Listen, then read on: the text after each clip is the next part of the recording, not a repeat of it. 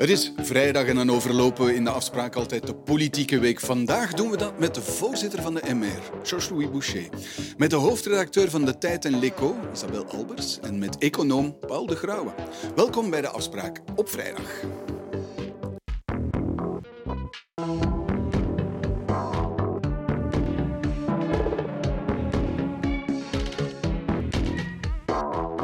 Goedenavond, uh, meneer Boucher. Hoe vordert u Nederlands eigenlijk? Ja, beter. Maar ja, uh, ja uh, ça s'améliore. Uh, je reviens d'Anvers d'ailleurs cet après-midi. J'ai été visiter Katounasi. Ja, maar nog niet genoeg om een debat in het Nederlands? Je suis plus sûr en français pour tout ce qui est euh, euh, détail, mais pour une conversation, après on peut aller au restaurant et je vous parlerai en néerlandais toute la soirée. okay. Je prends moins de risques qu'à la télévision. Conor Rousseau is bij RTL in het Frans geweest en na een taalbad in, in, in Spa. Maintenant j'ai le... J'ai le challenge euh, de, de voir le faire, mais je l'ai dit et, et, je pense que voilà, ça progresse suffisamment pour atteindre mon objectif euh, pour les élections. U, u blijft bij uw belofte dat u ooit in het Nederlands komt debatteren. Exactement. Je l'ai dit, euh, pour les élections, ça doit être, euh, ça doit être réussi. Oké, okay, goed. Um, tegen het einde van deze uitzending, ongeveer kwart over negen, wordt doel die drie liever van het net gehaald. Goede beslissing? En tout cas, euh, la, la, la, situation sur le nucléaire est, est, une mauvaise gestion depuis de très nombreuses années. Mais moi, ce que je regrette, c'est sur la partie qu'on connaît, c'est-à-dire que ça fait un an et demi après la formation du gouvernement, où rien n'a été fait euh, pour la prolongation du nucléaire.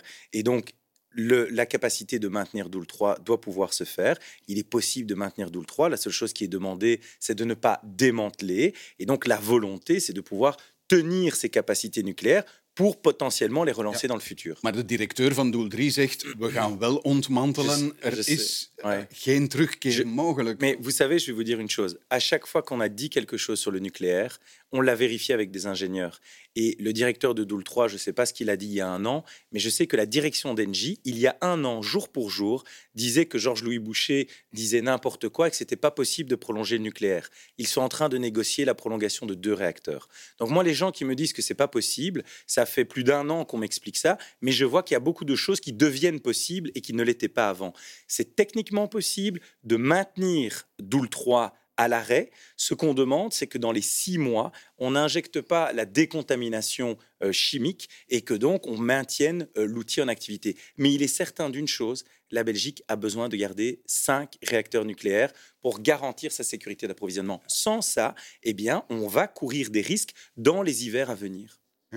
Goedenavond, uh, mevrouw El Albers. Goedenavond. Um, er was ook de vraag van minister Verlinde, verantwoordelijk voor uh, FANK. FANK is de instantie die waakt over de nucleaire veiligheid, om net die ontmantelingswerken van doel 3 niet onherroepelijk te laten worden. Vond u dat een goede vraag? Acht dagen voor de sluiting van de centrale? Ja, ik vond het vooral paniekvoetbal. Ik ben het eens met het feit dat we best in onze energiemix uh, nucleaire nucleaire energie behouden. Uh, we zeggen dat al met de tijd veel langer uh, dan vandaag. Maar men is twintig jaar aan het ontmantelen. En wat is er gebeurd vorige week? In de krant hebben we op de eerste pagina geschreven, de Tijd van kijk, doel 3 gaat vanaf 23 september vandaag dus onherroepelijk dicht als men een voorpagina van een krant nodig heeft om dan aan het vank te vragen ja, moeten we misschien toch niet zorgen dat het uh, irreversibel is. Minister Verlinden had veel vroeger actie moeten ondernemen. En ofwel wist ze het niet, maar ze had het moeten weten. Ofwel wist ze het wel en, en, en had ze vroeger met het vank of had ze vroeger er moeten voor zorgen dat het irreversibel was. Dus op dat vlak vond ik de timing toch een beetje op paniekvoetbal lijken. Moi, je voudrais quand même dire deux choses. Un, c'est défendre Annelies Verlinden. Euh, parce qu'elle a été obligée d'agir comme ça, parce qu'il y a des gens dans le gouvernement qui ne veulent pas voir la vérité depuis deux ans. Uh, et donc, à un moment donné, moi, je remercie Annelies Verlinden. Acht parce que... voor de sluiting, oui, mais... terwijl, hey, zoals mevrouw Albers oui, zegt, allez, we wisten dit bijna twintig jaar. Moi, ça fait deux ans que j'en parle. Et ça fait deux ans qu'on se bat dans le gouvernement. Je vous rappelle, il y a encore quelques mois, on nous expliquait que le nucléaire était mort en Belgique. Donc, la responsable, c'est pas Annelies Verlinden qui essaye de sauver des capacités. Les responsables, c'est ceux qui qui bloque les avancées depuis deux ans maintenant au sein de, ce gouvernement. Et elle a été obligée de poser un acte pour essayer de faire avancer les choses. Et deux, il faut bien lire le courrier de Funk. Euh, la FCN dit très clairement que si le personnel est là, il y a une procédure, c'est faisable. Ils ne disent pas que c'est impossible. Ils disent, ça c'est vrai, que c'est de mauvaise gestion, même s'il faut être tout à fait honnête, ils sortent un peu de leur rôle. Le rôle de la FCN, c'est de nous donner des informations sur la sécurité nucléaire. Pour le reste, leurs commentaires politiques, je suis ravi de l'avoir, mais entre nous, ils ont raison. C'est de la mauvaise gestion, bien sûr, mais c'est de la mauvaise gestion euh, qui est due, on le sait, à cause de qui? On a des écolos qui encore aujourd'hui nous disent qu'avec deux réacteurs, on aura assez. On sait très bien que l'hiver 25-26 vont être extrêmement compliqués. Il faut qu'ils reviennent à la raison. Ja, want het stond inderdaad slecht bestuur in de allerlaatste zin van het advies van het VANK. Mocht de regering eraan denken om doel 3 toch te verlengen? Ja, dus uh, de, de, de devil zat in het laatste ja. zinnetje. Uh, het is waar wat uh, meneer Boucher zegt. Het VANK zegt het zou zeer moeilijk zijn, maar daarom misschien niet helemaal onmogelijk om het toch nog irreversibel te maken. Alleen, het had zoveel beter geweest als men dat veel vroeger uh, had gedaan. Want ja, je zal in deze ook maar uh, de uitbater zijn. Hè. In deze Engie zijn die al die jaren, ook in vroegere regeringen waar u... Uh, minister Margem, minister van Energie was, is gaan aankloppen en zeggen ja, maar het is vijf voor twaalf. Als we nog iets willen doen aan die kernuitstap, dan is het nu om doen. Ja, iedere keer kregen ze nul op het request en dan een week voor uh, dat die centrale dichtgaat, ja, dat ja. is toch niet ga, zo ernstig meer. de professor er even bij nemen. Professor, goedenavond. Goedenavond. Ik wil u een vraag stellen over de Nationale Bank van België. Want wij horen dat die aandelen in waarde verliezen, um, dat de handel zelfs is stilgelegd. Wat betekent dat?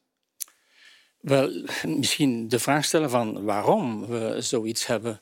En dat heeft te maken met twee dingen. Eén, het feit dat de stijging van de rentevoeten ook de waarde van die obligaties die de Nationale Bank in portefeuille heeft, naar beneden haalt. Dus ik wil hier niet te technisch zijn, maar als de rentevoeten stijgen, dan gaan de obligaties een lagere prijs tegemoet. En dat heeft uh, een eerste effect. Het tweede effect, misschien nog belangrijker, dat heeft te maken met het feit dat de Nationale Bank nu interest moet betalen op de deposito's die de banken bij haar aanhouden. Dus de, de andere de, voilà, de banken die houden ook deposito's, dat zijn nu reserves bij de Nationale Bank. Tot voor kort kregen ze daar 0% op. In feite was er zelfs een periode dat ze daarvoor moesten betalen.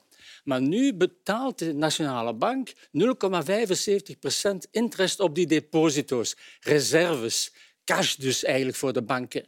En dat is een enorm bedrag, omdat er omdat die uh, bankiers daar grote reserves ja. hebben. Is, is dit gevaarlijk voor ons? Kan die nationale nee. bank failliet gaan? Zijn we... nee. nee. Dus in tegenstelling met u uh, en met, uh, laten we zeggen, bedrijven die wanneer ze in problemen komen, dus hun schulden niet kunnen betalen, ja, die hebben geen cash en die kunnen failliet gaan. Maar de nationale bank creëert de cash waarmee ze iedereen kunnen uitbetalen. Dus de nationale bank kan niet failliet gaan. En, en die verliezen zijn meestal gewoon van boekhoudkundige aard. Dus dan moeten we daar absoluut geen zorgen maken. Natuurlijk, de aandeelhouders die zullen niet kwaad zijn. Hè? Dus de helft van de aandelen wordt in, in privéhanden gehouden. En, en die dat aandelen, is wel een specifieke situatie. Ja, ja, dus die aandelen zijn ongeveer tot de helft teruggevallen. Ja. En dus voor die aandeelhouders is dat natuurlijk... Uh, okay, maar um, wij mogen gerust zijn. Wij mogen gerust zijn. Goed. Laten we dan even kijken naar de actualiteit. Want na de succesvolle uitbraak van de Oekraïnse troepen zijn de Russische bezetters voor een stukje achteruit gedrongen. En president Poetin heeft intussen gereageerd met een mobilisatie. Op het eerste gezicht 300.000 reservisten die worden opgeroepen. Maar intussen is er ook al sprake van meer dan 1 miljoen Russen die een oproep zouden kunnen krijgen. En daarmee heeft de Russische president eigenlijk een nieuwe fase aangekondigd in dat conflict in Oekraïne. Речь идет именно о частичной мобилизации. То есть призыву на военную службу будут подлежать только граждане, которые в настоящий момент состоят в запасе. The speech um, is an escalation, but it, uh, it, it is not a surprise. He has made a, a big miscalculation. При угрозе территориальной целостности нашей страны, для защиты России и нашего народа, мы, безусловно, используем все имеющиеся в нашем распоряжении средства. Это не блеф. A nuclear war cannot be won and must never be fought. But today, we're seeing disturbing trends. Onze positie is dat wij Oekraïne gaan blijven steunen. Uh, dat Oekraïne absoluut het recht heeft om haar grondgebied te, uh, te veroveren. Um, en dat we die agressies van Rusland niet, uh, niet aanvaarden. Maar we moeten wel de nodige rust bewaren. Ja, meneer Boucher, de rust bewaren, geen olie op het vuur, zegt premier De Croo. Is dat een goede reactie?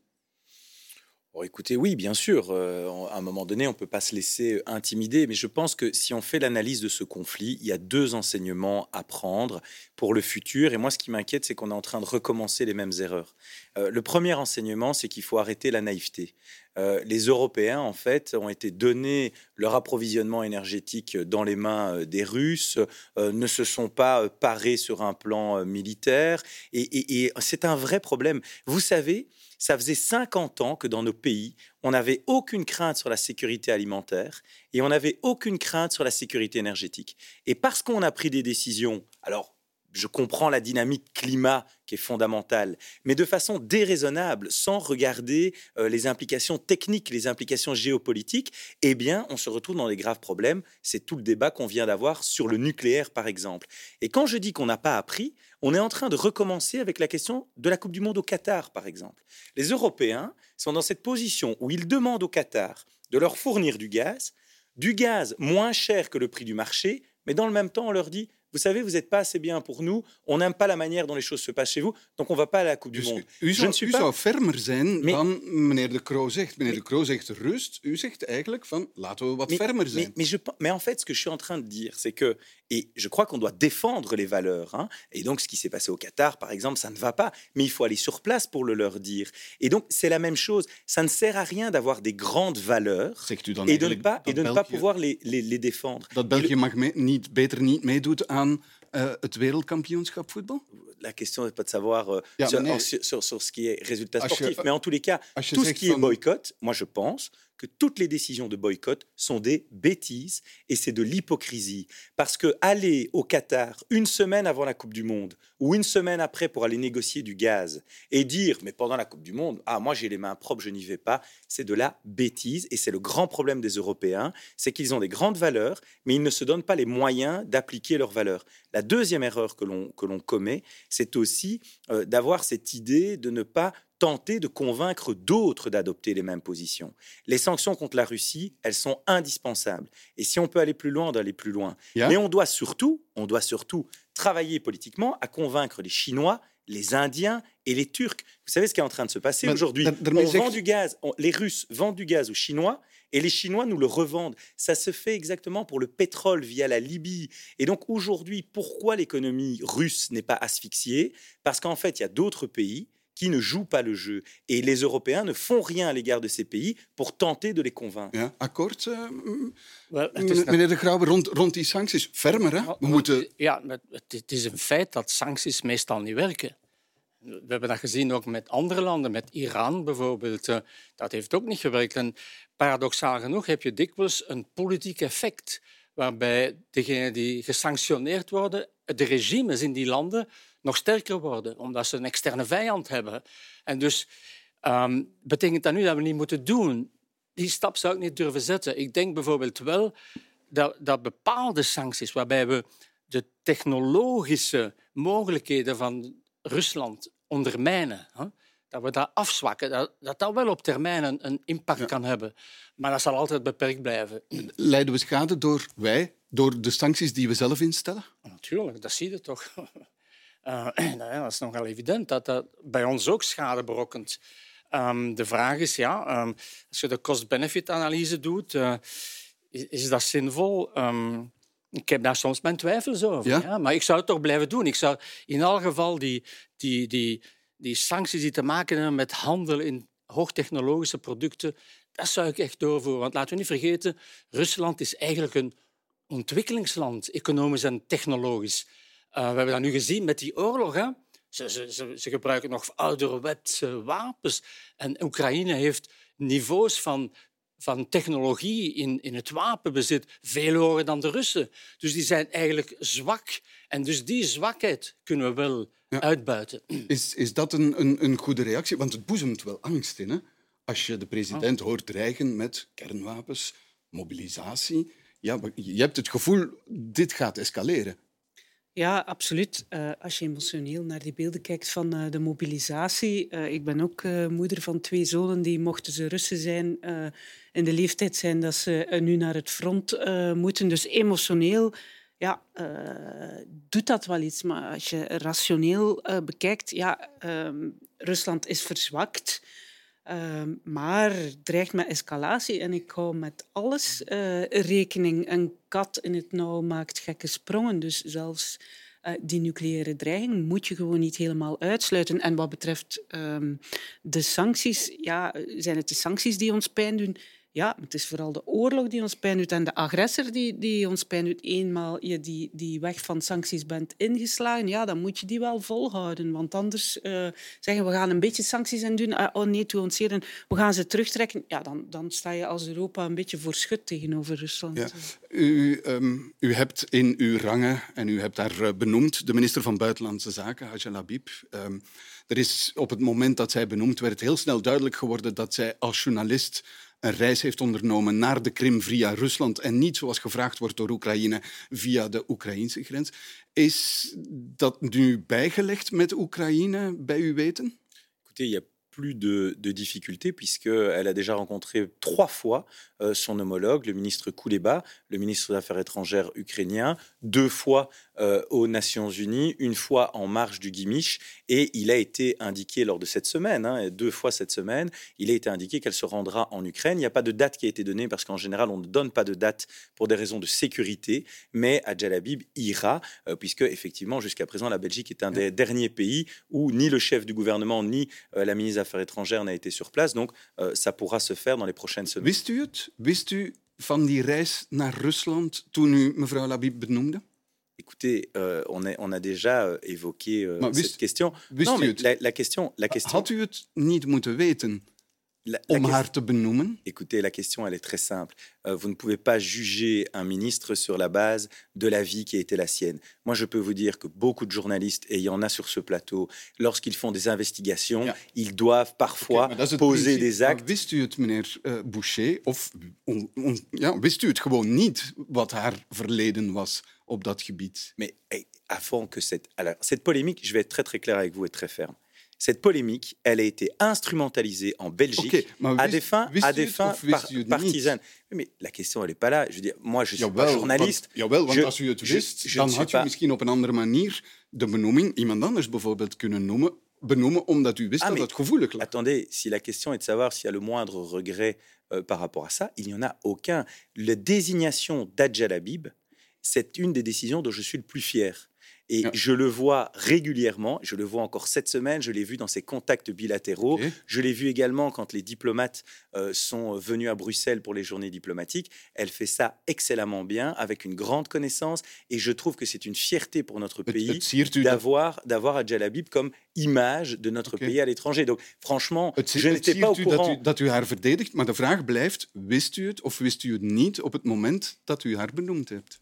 Je, je n'étais pas au courant euh, de cette situation euh, de toute façon préalablement parce que elle n'a jamais été évoquée non plus parce qu'on n'a jamais vu où était le problème. C'était un acte qui était posé comme journaliste et qui n'était certainement pas un signe de soutien. Il suffit de reprendre ce que Adjel Habib a écrit, a dit euh, sur la question entre les Russes et, et les Ukrainiens. Il n'y avait aucune difficulté, il n'y avait pas eu la moindre polémique. Donc, on ne l'a pas vu arriver, mais Adja non plus d'ailleurs en, en parallèle. Aujourd'hui, tout ça est derrière nous, c'est le plus important. Mais moi, j'insiste sur un autre point. J'insiste sur un autre point, c'est que, et, et, je voulais revenir sur ce que je disais, euh, la naïveté européenne euh, nous met dans des difficultés sur le plan de nos relations internationales. Et donc, il est véritablement important de pouvoir avoir des stratégies en matière alimentaire, en matière énergétique, qui nous offrent l'autonomie. Et donc là, bien sûr, on revient sur la question du nucléaire. Mais sur la question okay. euh, des sanctions... Ik wil even aan de journalist vragen wat zij denkt van het feit wat er uiteindelijk gebeurd is. U zegt van nee, we wisten het niet. Mevrouw Labib heeft het ook niet zien, zien aankomen. Wat denkt u dan, mevrouw Albers? Um, ik denk wel dat dit helemaal geen sporen zal nalaten, dat men in Oekraïne wel van iets anders wakker ligt dan van uh, de minister uh, van Buitenlandse Zaken van België, die als journalist naar de Krim gereisd is. Het was uh, geen goede passage, het was geen goed begin. Um, meneer Boucher had het beter geweten. Had hij dan een andere beslissing moeten nemen? Ik denk dat meneer Boucher vooral rekent op Hadja Labib als uh, een nieuwe krachtige figuur binnen de MR en dat dat past binnen een electorale strategie om de MR te versterken, eerder dan dat zij nu de allerbeste minister van Buitenlandse Zaken was. Maar dat, dat, dat probleem is breder. Is het de partijvoorzitter die helemaal alleen een minister aanduidt? Dat is in België zo. Of zijn andere systemen beter? Ik denk dat andere systemen beter zijn, zoals men Europees doet. Men heeft een hearing. Um, je, en, en, je en assez, je hier in België zijn het gewoon de partijvoorzitters die zeggen wie er je uh, minister wordt. Je trouve assez désagréable dans la réflexion le fait de considérer que je n'ai vu qu'une stratégie électorale pour mon parti et que je ne pense pas à l'intérêt de mon pays. Moi, je peux vous dire une chose très clairement. Adjel Habib a une meilleure connaissance de la situation internationale avant de devenir ministre des Affaires étrangères que la plupart de ses prédécesseurs. Parce qu'il va quand même falloir m'expliquer en quoi quelqu'un qui est resté dix ans au Parlement fédéral belge connaît la situation du Haut-Karabakh, connaît la situation du Sahara occidental, connaît la situation en Afghanistan, ou quelqu'un qui a même été ministre-président euh, flamand, Yves Le Terme, quand il est devenu euh, ministre des Affaires étrangères, euh, Steven Van Ackere. Qu'est-ce que ces gens connaissaient de l'international avant de devenir ministre? Mais c'est bizarre. Dat geldt ook voor mevrouw Wilmes, die schepen in Sint-Genesius was. Sophie. Sophie était une exception parce qu'elle venait d'un poste de Premier ministre, et c'est vrai que quand vous êtes Premier ministre, vous avez quand même une approche de l'international. Mais c'est assez rare. Si maintenant il faut avoir été Premier ministre pour devenir ministre des Affaires étrangères, ça va être compliqué. Mais donc je voudrais juste vous dire une chose. Euh, Adja Labib, par exemple, avait été dix fois en mission en Israël et en Palestine. Elle avait été à nombreuses reprises en Afghanistan. Elle connaissait toutes ces situations internationales. Et donc elle a été désignée parce que, à mon sens, dans tous les gens qui étaient susceptibles d'être nommés, c'était elle qui avait la meilleure connaissance internationale, et je pense qu'elle le prouve. Elle n'a pas fait d'erreur malgré toutes les pressions euh, qu'elle a reçues, mais par contre, je trouve très bizarre que quand Adjel Habib devient ministre des Affaires étrangères, tout le monde s'interroge de savoir si elle a la compétence. Mais pour Steven Van Ackere, personne ne s'est posé la question. Il va falloir m'expliquer en quoi, et j'ai pris Van Ackere pas par méchanceté contre lui, j'aurais pu citer tous les autres, même des gens chez moi, euh, pourquoi, chez les autres, on ne se pose pas la question? On ne demande pas à un ministre des Affaires étrangères de réussir le concours de diplomatie. Ja. On lui demande d'être en capacité okay. de comprendre. Antwoord zelf op die vraag. Waarom denkt u dat dat gebeurt bij mevrouw Labib en niet bij alle andere mensen die u op, opgesomd hebt? Parce que, je, je, je vous le répète, Adja avait une connaissance de l'international ja, maar waarom wordt zij zwaarder aangepakt dan al die andere mensen? Mais parce qu'effectivement, elle réunissait d'autres qualités. Il y a aussi des qualités personnelles qui rentrent en ligne de compte. Par exemple, il était mm. nécessaire, à mon sens, pour garder un équilibre ja. au sein du gouvernement et dans la représentation MR, d'avoir une femme. Il était important... Ja, ja, maar waarom u zegt, zij wordt harder aangepakt dan bijvoorbeeld meneer Van Akkeren? Waarom is dat volgens u? U stelt de vraag, wat is het antwoord? Mais moi, je pense que Euh, c'est parce que, un, ça a bousculé les habitudes, euh, et donc on a été chercher quelqu'un venant de l'extérieur. Je pense aussi, c'est minoritaire, mais que dans le chef de certains, euh, le fait qu'elle soit issue de la diversité ait pu interpeller à certains moments. Et je crois que certains ont aussi vu une opportunité de faire un jeu politique par rapport à ça, et je trouve ça regrettable. Speelt geen rol of zou absoluut geen rol mogen spelen in deze. Ja, het incident is er gekomen omdat men met Oekraïne, Rusland en omdat men dan gestoten is op die reis die gebeurd is op kosten van Rusland naar de Krim, die achteraf gezien ongelukkig was. Maar goed, uh, laat, ons daar het voordeel, laat ons daar het voordeel van de twijfel geven en kijken nu dat ze okay. verder haar parcours uh, op buitenlandse zaken doet. Goed. Mobilisatie in Rusland sterkt ons alleen maar in het idee dat het een conflict van lange duur zou kunnen worden daar en dat het zal blijven wegen dus op de energieprijzen. En het betekent ook dat de verschillende regeringen in dit land zullen moeten blijven denken aan maatregelen die de bevolking kunnen helpen om die energiecrisis zo ongehavend mogelijk door te komen.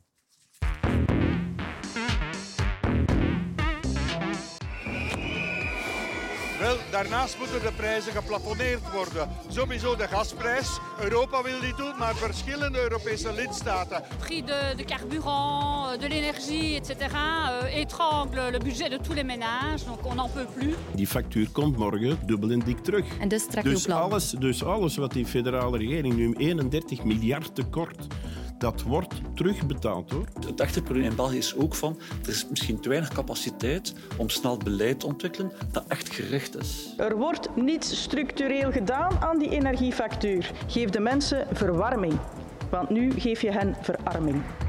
Dat houdt in dat elke factuur, elke aansluiting 200 kilowattuur gratis een basispakket elektriciteit krijgt. Ik hoop nog voor het einde van dit jaar hier in dit parlement, in dit halfrond, kan gestemd worden over het afromen van de overwinsten. Dank u wel. Ja, professor, wat vindt u van de maatregelen tot nu toe? Bijvoorbeeld basispakket. Dat betekent dat we allemaal, behalve wie, voor wie geniet van het eh, basistarief, 200 euro gaan krijgen in die maanden op het einde van het jaar. Wel, um, ik denk dat we eigenlijk het volgende moeten doen. Um, aan de ene kant moeten we ervoor zorgen dat die hoge prijzen hun effect hebben, namelijk de mensen ertoe aanzetten om minder energie te gebruiken. Aan de andere kant moeten we ook voor zorgen dat de mensen die over onvoldoende koopkracht bezitten, daarvoor gecompenseerd worden. En daarom denk ik dat we gerichte maatregelen moeten hebben. En dus um, wat is gericht? Gericht, dat betekent mensen die met uh, lage koopkracht zitten, compenseren voor het feit dat die tarieven, dat die energieprijzen zo sterk zijn gestegen. Als we dat, die 200 euro aan iedereen gaan geven, ja, dat klinkt misschien mooi, maar dat betekent dat we aan de mensen die het echt nodig hebben, minder zullen moeten geven. Want dat kost heel veel geld als je het uitspreidt. Hè? aan, en het aan iedereen geeft, dan kun je eigenlijk aan de mensen die het meest nodig hebben veel minder geven. En, en dat, dan hebben we het doel eigenlijk niet bereikt. Dus ik denk dat we echt gerichte maatregelen moeten gebruiken die een compromis sluiten tussen aan de ene kant het systeem, het prijssysteem laten functioneren, zodat de mensen zuinig blijven omspringen. En aan de andere kant, degenen die het nodig hebben, compenseren. Maar niet iedereen compenseren. Ja, dus eigenlijk zegt u, de, deze maatregel schiet haar doel voorbij. Natuurlijk, ja. Ja, ja bovendien, en we hebben een systeem dat gerichter was, dat sociaal tarief. En die twee keer 200 euro dat men in november en december gaat geven, ja, dat zijn compenserende maatregelen voor iedereen, maar die stromen naar de energieproducerende landen, naar, naar de energieleveranciers. Hoe komt, dat men, voor iedereen zijn? Men, men, moet iets doen aan de aanbod, aan aanbod en aan, aan de vraag. Um, ja. En dus dat aanbod kan zeggen van nucleaire energie, uh, andere vormen van energie zo snel mogelijk stimuleren. Dat gaat niet allemaal van vandaag op morgen, maar men kan daar wel veel forser op inzetten. En aan de vraag, zorgen dat we minder verbruiken op korte termijn, uh, een graadje lager, maar ook heel snel zware isolatieprogramma's en zo verder enzovoort. Ja. Dat moet men doen. Maar aan iedereen twee keer 200 euro geven, ja, dat is een druppel op een nodig, dus En dat, dat, en dat gaat ook niet helpen. Dat gaat de factuur niet verlagen. Ja. Dat was nogthans uw idee. Voor iedereen een basispakket. Exactement. U hoort hier twee mensen die zeggen, niet goed. Oui, bien sûr. Euh, mais en fait, le problème, c'est que ces raisonnements-là, euh, qui visent à ne donner qu'à une catégorie, ça veut dire qu'en fait, on donne toujours aux mêmes personnes, c'est-à-dire à des gens qui sont en dessous de 1500 euros par mois. Et résultat des cours, ça crée quoi? Ça crée aujourd'hui une injustice profonde dans les classes moyennes qui ne supportent plus cela. Et donc, vous avez raison, le fait de donner à tout le monde, ça a été une exigence du mouvement réformateur. Nous étions les seuls. Mais moi, j'en ai un peu marre qu'à 2500 euros dans ce pays, on croit qu'on est riche. Euh, ou on dit en tout cas à ces gens qui sont riches. 2500 euros, c'est le salaire d'un prof. Alors vous allez me dire quoi? Vous allez me dire, ben non, on avait peut-être prévu 2600. Et donc en fait, en fait, en fait, oui, 2000, 2000, 2500 euros avec 10 ans d'expérience, un enseignant. Ah, ah, prof geweest, ik kreeg het dubbele. Ben, ah oui, mais non, professeur à l'université. Moi, moi, je vous parle dans l'enseignement obligatoire. Ah, okay, donc, donc, dans l'enseignement obligatoire, 10 ans d'expérience, vous gagnez 2500 euros. Et moi, je considère qu'on n'est pas riche. Et le problème de ces mesures ciblées, moi, je comprends bien l'intérêt du ciblé. Pour la, les raisons budgétaires, je le comprends. Mais c'est une injustice profonde parce que celui qui gagne un euro au-dessus euh, du montant que vous avez fixé, lui, il est perdant. Le meilleur exemple, vous savez, c'est quoi? Le meilleur exemple, je vais vous dire ce que c'est. C'est le tarif social. Le tarif social aujourd'hui, si vous en bénéficiez, vous gagnez 500 euros par rapport à celui qui ne l'a pas. Eh bien, je vais vous dire, aujourd'hui, vous êtes chômeur en Belgique vous touchez 1300 ou 1400 euros et vous avez le tarif social, eh bien, vous avez plus d'argent que quelqu'un qui conduit un bus ou qui sert dans un restaurant parce qu'il commence avec 500 euros de dépenses en plus. Ce n'est pas normal. Je moduleren. Hè. Je, kunt, je bent niet verplicht van, dat te, van te zeggen vanaf dat inkomen niks meer. Je kunt dat ook moduleren. C'est toujours en la op die politique manier, op die manier kun je wel die problemen afzwakken. Maar enfin, er zijn toch, de helft van de Belgische bevolking heeft dat toch niet nodig. Je zegt de middenklasse, wie is dat de middenklasse? Ja, dat zijn degenen die in het midden zitten. Maar je hebt er toch heel veel die boven dat midden zitten. En jij zegt, die moeten dat ook allemaal krijgen. Dat heeft toch geen zin? Plus, au fond, al die compenserende maatregelen gaan heel weinig uithalen om die factuur echt naar beneden te halen. En men moet iets doen, zowel aan het aanbod als aan de vraag. En er wordt heel veel gebakkeleid over 200 euro hier, 200 euro daar. Maar, maar, maar dat moet echt gebeuren. En dat zie ik nog veel te weinig in de overheid. In, Je in, suis in- désolé, in mais de tout- tous, d'ailleurs, de un, c'est modulé. Contrairement à ce que vous dites, c'est modulé, puisque au-delà de 3 000 euros pour un isolé et 5 000 euros pour un ménage par mois, eh bien, ils vont avoir une fiscalisation. Donc, ça veut dire que via l'impôt, on va pouvoir moduler, mais au moins, tout le monde euh, reçoit. Deuxième élément, deuxième élément, dans ce pays, quel que soit votre salaire, vous devez payer votre électricité, les pâtes, l'essence au même prix. Si on commence à dire qu'on va faire un prix différent selon le salaire que vous avez, eh bien qu'on donne 2000 euros de salaire à tout le monde, et il n'y a plus d'intérêt dans ce pays d'être ingénieur, d'être médecin, puisque à la pompe à essence, il va payer plus cher, parce que quand il achète des pâtes, il va payer plus cher. Alors, ça sert à quoi d'avoir un salaire plus, plus élevé mais bien sûr que si, parce que dans les faits, sur la facture, ça fait une diminution de prix d'achat. vous pouvez prendre le Maar problème vanaf comme vous voulez. Maar het is toch perfect mogelijk om de mensen te compenseren met een vast bedrag vanaf beneden een bepaald inkomen, terwijl de prijs blijft wat die is. Dus dat is perfect technisch mogelijk. ça, ça prouve. Donc, déjà, pour les gens, ça revient à un prix différent. Si j'avais dit, par exemple, que la réduction n'est que pour des gens qui ont un salaire en dessous de 2000 ou 2500 euros, ben, ça veut dire qu'eux auraient une facture plus basse que leurs voisins qui consomment exactement la même chose. Donc, ça veut dire qu'on aurait commencé avec des prix d'achat différents selon le salaire. C'est inacceptable. Deuxième élément, ça prouve une chose c'est que la politique de chèque, ça ne va pas.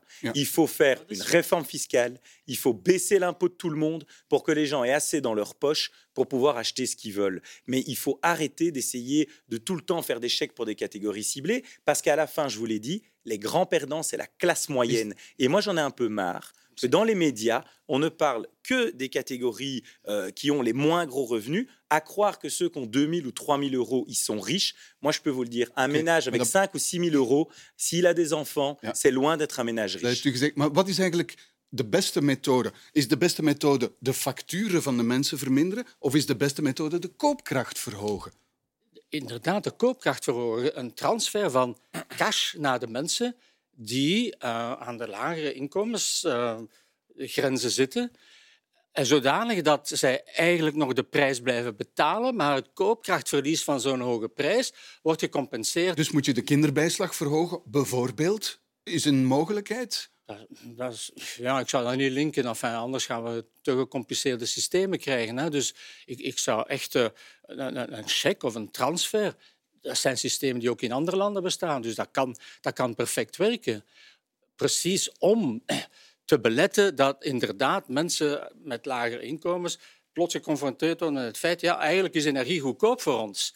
En, en dan heb je een probleem. Dus die energieprijzen moeten hoog blijven, maar gecompenseerd zijn voor het verlies aan koopkracht. En, en dan denk ik heb je een, een systeem dat de twee probeert te verzoenen, namelijk het ecologische en fairness. Ja.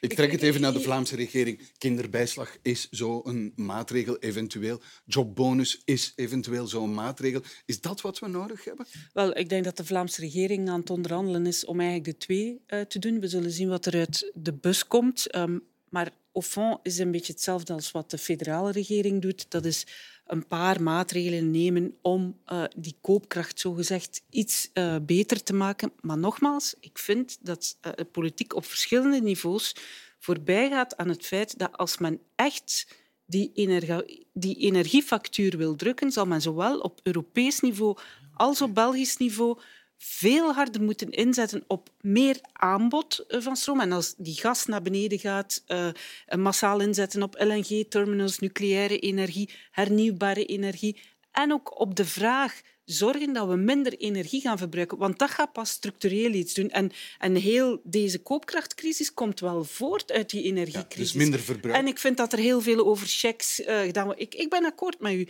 En, en, en heel die checkpolitiek, dat is geen oplossing ten gronde. Ja. En, maar en, min, en minder verbruiken ik wel. hoor veel te weinig de politiek daarover. Zet, zet u verwarming lager? De- dans- dans- Meneer, meneer Boucher, zet verwarming lager? Oui, oui, bien sûr. Do- par exemple, au siège du, du mouvement réformateur, on a fixé la température à 19 degrés, comme ça se fait dans les administrations. Euh, Donc Doet tout le monde, licht uit tout le monde, tout- mais, mais, mais, mais, Madame Albert a mille fois raison. Ce n'est pas. Il faut arrêter de croire que ça c'est la solution. Donc, on nous explique qu'on va consommer de moins en moins d'énergie dans le futur, c'est faux. Au niveau de la planète, on ne va pas arrêter d'augmenter la consommation d'énergie. Pourquoi? Parce qu'il y a de plus en plus d'habitants, parce qu'il y a de plus en plus d'habitants qui atteignent les classes moyennes. Et en tout cas, en Belgique, ce dont je suis certain, c'est qu'on va augmenter notre consommation d'électricité. Parce que si vous abandonnez les fossiles, vous avez quand même besoin d'énergie. Vous savez, aujourd'hui, on investit beaucoup dans les nouvelles technologies. Les serveurs informatiques, les data centers, ça consomme énormément d'énergie. Les data centers seront le deuxième plus gros consommateur d'énergie après BASF euh, de tout le pays dans les prochaines années. Donc, il faut arrêter les Dus légendes des écolos. Wallonië que de parce lichten, que- de lichten dooft op de snelwegen, dan zegt u ook van dat is eigenlijk geen goede maatregel. Non, mais le, le- le point, le, le point, justement, mais ça, je vais y venir. Mais donc, tout ça pour dire que, un, et Madame Alberts a raison, il faut d'abord une stratégie industrielle d'approvisionnement. Parce qu'aujourd'hui, si les prix sont élevés, c'est parce qu'on a un problème d'approvisionnement. Tous les politiques parlent des prix, je ne les entends parler jamais de l'approvisionnement. Or, c'est ça qui détermine le prix derrière. Et le deuxième élément, vous avez raison en parlant du budget, budget euh, je pense aussi qu'il faut faire un peu de politique. Et faire de la politique, c'est avoir du courage. Donc, continuer à augmenter le déficit et l'endettement, ce n'est pas une solution. Donc, on doit faire quoi? On doit aller chercher des budgets qu'on avait prévus pour autre chose, pour pouvoir répondre à l'urgence énergétique. Je vous donne un exemple. En Wallonie, avec Adrien Delimont, le ministre du Budget, eh bien, on est en train de supprimer toute une série de fiches du plan de relance. Par exemple, construire un hall de sport. Alors, c'est dommage pour les gens qui attendaient le hall de sport, mais aujourd'hui, l'argent, va pas le mettre dans un hall de sport. On va essayer de faire de l'isolation. On va essayer de faire des économies d'énergie, voire des aides directes aux PME. Parce que moi, je crains une chose, et je termine par là. Aujourd'hui, la situation des entreprises et des petites entreprises risque d'être dramatique à partir du mois de janvier, parce que quand vous avez 10% d'indexation de salaire, plus les factures d'énergie, il y en a au moins un des deux qui est en trop. Et là, le gouvernement, par contre, a la main. C'est qu'il est beaucoup plus facile pour nous de diminuer les cotisations sociales ou la fiscalité sur l'index plutôt que d'essayer de contrôler des prix d'énergie qu'on n'arrivera pas à heel, contrôler. Heel veel maatregelen door elkaar. Ik wil gewoon even terug. Overwinstbelasting. Minister Van der Straten, hebt u daarnet gezien, zegt ik wil een overwinstbelasting. En het zal zelfs in België eh, gebeuren. Gelooft u daarin? Is dat De realistisch? Europese Commissie heeft verleden week Maar ze zegt dat het, als het daar niet gebeurt, Maar ook in de Europese België... Commissie heeft verleden week beslist dat we in die richting moeten gaan. Dus, eh, dat is verleden week gebeurd. Hè? Een, een overwinstbelasting. En, en Van der Leyen heeft daar nog verleden week een persconferentie over gegeven. Dus de richtlijnen vanuit de Europese Commissie zijn: doe het. En we kunnen het doen. En we moeten het doen. En is het een oplossing? Maar het is natuurlijk niet de enige oplossing. Hè. Het is, ik, ik, ik hoor die discussie hier van ehm, ja, die, die transfers en zo, dat moet je niet doen. Je moet aanbod, natuurlijk. Maar dat, die dingen sluiten elkaar niet uit. Het aanbod versterken en vergroten, dat is iets dat we moeten doen, uiteraard. Maar dat gaat pas een effect hebben in twee, drie, vier, vijf jaar. Terwijl het probleem van veel mensen is nu acuut. En daar moeten we toch iets aan doen. U verwijst naar de kleine en mid- en middelgrote ondernemingen. Daar wil u wel transfers voor doen, heb ik begrepen nu. Daar moet de overheid wel subsidies geven. Terwijl het anders voor de huishoudens zou dan niet mogen. Dus ik denk dat we inderdaad ehm, in die richting moeten gaan. En dan is de vraag, budgetair, kunnen we dat aan? Maar dan zeg ik, we moeten in alle geval meestappen in de logica van ja, laten we die overwinsten belasten. Daar genereren we toch inkomsten die we voor die dingen kunnen gebruiken. Want anders kunnen we het budgetair niet aan. Dat is tenminste een soelaas. Het is, het is, eh, ik denk dat we het budgetair wel aan kunnen. We kunnen dat wel aan, ja. Inderdaad, als het systeem zodanig verslechtert dat duizenden bedrijven dreigen over kop te gaan, wat gaan we dan doen? Gaan we die over kop laten gaan? Failliet laten gaan? Nee, we gaan die moeten steunen. cholera? We gaan moeten steunen. We hebben dat gedaan tijdens de pandemie. Allez. We gaan die moeten steunen. Ça n'a rien à voir avec la pandémie. Nee, Alors, Het heeft ook iets mee te maken. Het kapitalisme is een fantastisch systeem, maar het is broos. En als er zo'n grote schok is, zoals bijvoorbeeld nu de energieprijzen, dan kunnen duizend ondernemingen failliet gaan. Gaan we dat laten gebeuren? Nee, gaat dat niet laten gebeuren. Wat moet je eraan doen? Wel, dan moet de staat bereid zijn om, zelfs als het betekent budgetair tekort verhogen, het systeem te ondersteunen. Allez, il faut être sérieux. Euh, on a oh, parlé. on a- moi. non, non, mais on a parlé de la pandémie. Il y a quand même une différence majeure entre la pandémie et ce qu'on vit aujourd'hui. La différence, c'est que le Covid-19, c'était à l'échelle de la planète. Donc, tous les pays du monde ont augmenté leur déficit et leurs dettes plus ou moins, plus ou moins, plus ou moins dans la même proportion. Les prix de l'énergie, ça ne touche qu'une trentaine de pays en Europe. hein. Aux États-Unis, le gaz aujourd'hui est à 35 euros du mégawattheure. Donc ça veut dire quoi? Ça veut dire que si des pays européens commencent à laisser aller l'endettement, les marchés financiers vont dire, bof, ces deux pays-là, boum, c'est fini, au revoir. Parce qu'ils pourront aller investir, ces, ces- ces fameux fonds d'investissement, ces banques, ces marchés financiers, ils peuvent aller en Asie. Aujourd'hui, le gaz est beaucoup moins cher. Ils peuvent aller aux États-Unis. Je vais juste vous donner un exemple. La ville de Bruges, si vous prenez sa consommation annuelle de gaz, eh bien, si cette même ville de Bruges, elle était aux États-Unis, il payerait entre 100 et 150 millions d'euros de moins par an pour le gaz. Donc, ne me dites pas qu'on peut faire comme si le reste du monde n'existait pas. Donc, on ne peut plus s'endetter de la même manière. On doit effectivement aller essa- essayer de récupérer euh, auprès de certains fournisseurs euh, d'énergie. On doit rediriger des budgets, mais on ne peut pas travailler avec le portefeuille ouvert. Si pas ce qui va se passer, parce que monsieur nous dit, il n'y aura pas de faillite, il va se passer une chose. Les taux d'intérêt sont en train de remonter. Si la cote de la Belgique est dégradée, la cote de la Wallonie passera de A à B. Et dans ce cas-là, c'est une catastrophe pour l'ensemble du pays. Professor Wel, ik heb die, die verhalen al dikwijls gehoord. Hè. Eh, het feit is, tijdens de pandemie hebben wij kunnen ontlenen, eh, geld lenen liever, ehm, aan 0 Essentieel 0 we hebben dat massaal gedaan, en terecht, om de economie en het sociaal weefsel te ondersteunen. Nu riskeren we in een gelijkaardige positie terecht te komen, omdat de energieprijzen uit de pan zijn geraakt. En riskeren we ook blijvende schade te creëren voor het bedrijfsleven. Gaan we dan gewoon achterover zitten en zeggen: Sorry, je gaat failliet, we laten dat maar gebeuren? Dan zeg ik: Nee, we hebben de middelen om dat te vermijden. Twee middelen. Eén, die belasting op de overwinsten, want dat is massaal veel geld. Twee, als het moet, een tekort op de begroting. We ontlenen toch Die- nog die altijd... hebben we al, hè? Die hebben we al serieus, maar- hè? maar we, ont- we kunnen vandaag ontlenen aan 2,5 procent. Hm? De inflatie vandaag is 10 procent. Hetgeen dus betekent dat wij vandaag voor 10 jaar geld gaan ontlenen aan 2,5 procent en met een inflatie die de volgende jaren... Ja, Toen dat mevrouw- Ja, maar Ik- laat ik- mij- ik laat wil mij- mevrouw laat Albers mij- ook even- La- la- Laat laat mij mijn, mijn redenering afwerken. Dat betekent dat we vandaag nog de middelen hebben om relatief goedkoop schuld uit te geven. Ik zeg niet dat we dat moeten doen zomaar. Ik zeg wel, als het zover zou komen dat er grote delen van de industrie en van het bedrijfsleven over kop gaan, dan moeten we dat doen. Ja, mevrouw Albers, akkoord? pandemie. Akkoord met de professor? Ehm, de- het zit een beetje in het midden. Ehm, als, als, tuurlijk, tuurlijk kunnen we niet zeggen we gaan achteroverleunen als overheid en zeggen van we laten alles maar gebeuren.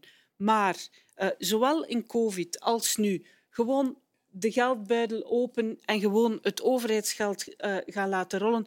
Dat gaat gewoon niet. Je, je ziet dat wij in een heel precaire budgettaire toestand zitten. En wat meneer Boucher zegt, klopt helemaal. Deze crisis is een Europese crisis. Dit is geen mondiale crisis.